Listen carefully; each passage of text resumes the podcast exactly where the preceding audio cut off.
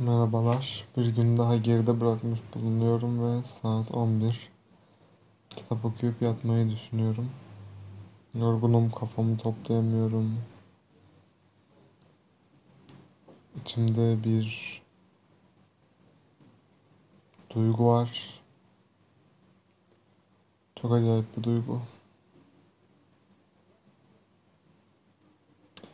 Alışkanlıkları biçimlendirmede aile ve alışkan arkadaşların rolü. 1965'te Laszlo Polgar adında Macar bir adam, Clara adında bir kadına bir dizi tuhaf mektup yazdı. Laszlo çok çalışmaya derinden inanan bir adamdı.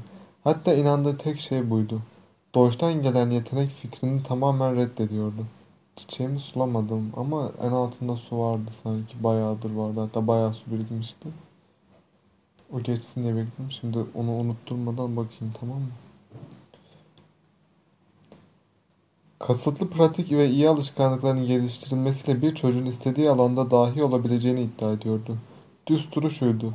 İnsanlar dahi olmaz, eğitime çalışmayla dahi olurlar. Laszlo bu fikre o kadar gönülden inanıyordu ki onu kendi çocukları üstünde denemek istedi. Clara'ya yazma nedeni de bu yolculukta ona eşlik etmeye istekli bir eşe ihtiyaç duymasıydı. Clara öğretmendi ve Laszlo kadar katı olmasa da iyi bir eğitimle herkesin becerilerini ilerletebileceğine inanıyordu. Laszlo satrancın bu deney için uygun bir alan olacağına karar verdi ve çocuklarını satranç dehaları olarak yetiştirmek için bir plan hazırladı. Çocuklar o zamanlar Macaristan'da nadir görülen bir uygulamayla evde eğitileceklerdi. Ev satranç kitaplarıyla ve ünlü satranç oyuncularının resimleriyle dolu olacaktı. Çocuklar sürekli birbiriyle oynayacaklar ve bulabildikleri en iyi turnuvalarda yarışacaklardı. Aile çocukların karşı karşıya geldiği her rakibin turnuva geçmişini içeren titiz bir dosyalama sistemi kuracaktı. Hayatlarını satranca adayacaklardı. Laszlo Clara ile başarılı bir şekilde flört etti ve birkaç yıl içinde Polgar ailesinin üç, kız, üç kızı oldu. Susan, Sofia ve Judith. En büyükleri Susan satranç oynamaya 4 yaşında başladı. 6 ay içinde yetişkinleri yener olmuştu. Ortanca çocuk Sofia ondan da iyiydi. 14 yaşında dünya şampiyonu ve birkaç sene sonra büyük satranç ustası oldu. En küçükleri Judith ise en iyileriydi. 5 yaşında babasını yenebiliyordu. 12 yaşında dünyanın en iyi 100 satranç oyuncusu arasına giren en genç oyuncu oldu. 15 yaşında doldurduktan 4 ay sonra tüm zamanların en genç büyük satranç ustası oldu. Rekorun bir önceki sahibi olan Bobby Fischer'dan da gençti. Dünyanın bir numaralı kadın satranç oyuncusu unvanını 27 sene elinde tuttu. Polgar kardeşlerin çocukluğu en hafif ifadeyle alışılmışın dışındaydı. Yine de onlara sorarsanız hayat tarzlarının cazip, hatta eğlenceli olduğunu iddia ederlerdi. Kız kardeşler röportajlarında çocukluklarındaki meşakkatliden çok eğlenceli olarak bahsediyorlardı. Satranç oynamayı seviyorlardı. Bir türlü duramıyorlardı. Bir keresinde Laszlo Sofya'yı gece yarısı banyoda satranç oynarken bulduğunu anlatırdı. Babası ona yatağa dönmeyi ikna etmek için Sofya piyonları rahat bırak demişti. Sofya da şu cevabı vermişti. Baba onlar beni rahat bırakmıyor. Holgar kardeşler satrancı her şeyin üstüne tutan, onları bu sebeple öven, ödüllendiren bir kültürün içinde büyüdüler. Onların dünyasında satranç saplantısı normaldi. Ve birazdan göreceğimiz gibi kültürünüzde normal olan alışkanlıklar bulacağınız en cazip davranışlar arasında yer alır. Müzik sesi geliyor dışarıdan. Sosyal normların baştan çıkarıcı çekimi. İnsan bir sürü hayvanıdır. İnsan bir sürü hayvanıdır. Uyum sağlamak, başkalarıyla bağ kurmak ve yaşıtlarımızın saygı ve onayını kazanmak isteriz. Bu tür meyiller hayatta kalmamız için gereklidir. Evrimsel tarihimizin büyük bir kısmında atalarımız kabileler halinde yaşadı. Kabileden ayrılmak ya da daha kötüsü dışlanmak bir ölüm fermanıydı. Yalnız kurt ölür ama sürü hayatta kalır. Bu arada başkalarıyla işbirliği ve bağ kuranlar daha güvende olmanın, çiftleşme fırsatlarının ve kaynaklara daha fazla erişmenin keyfini sürdüler.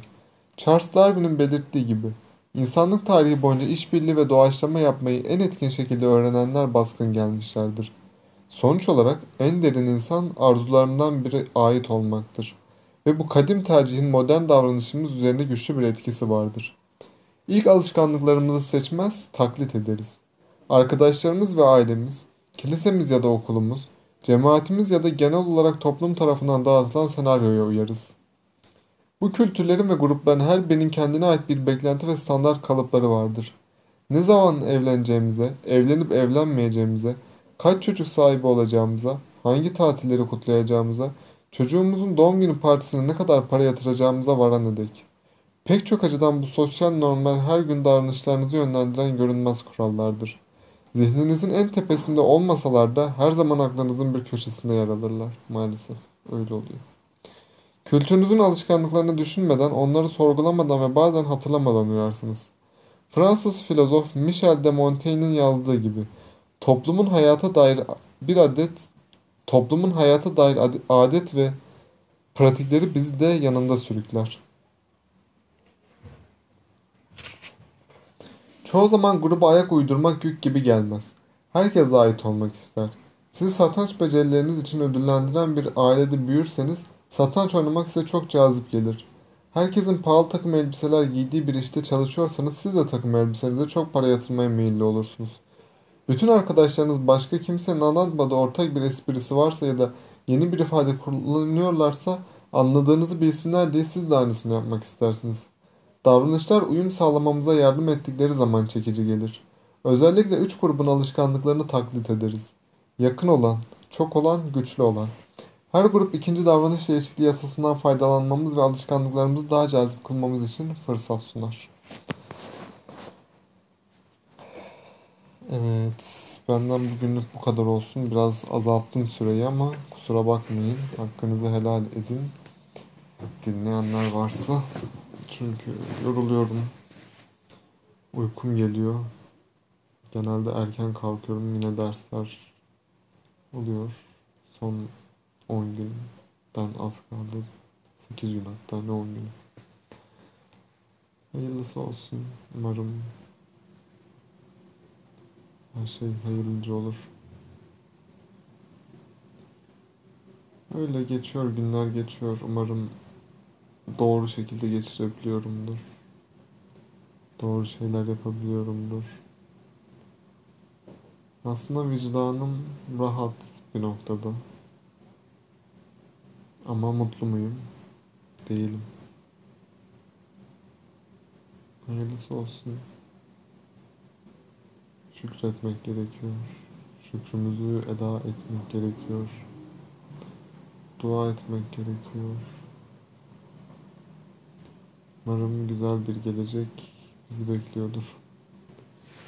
Görüşmek üzere. Kendinize çok çok dikkat edin. Hepinizi çok seviyorum.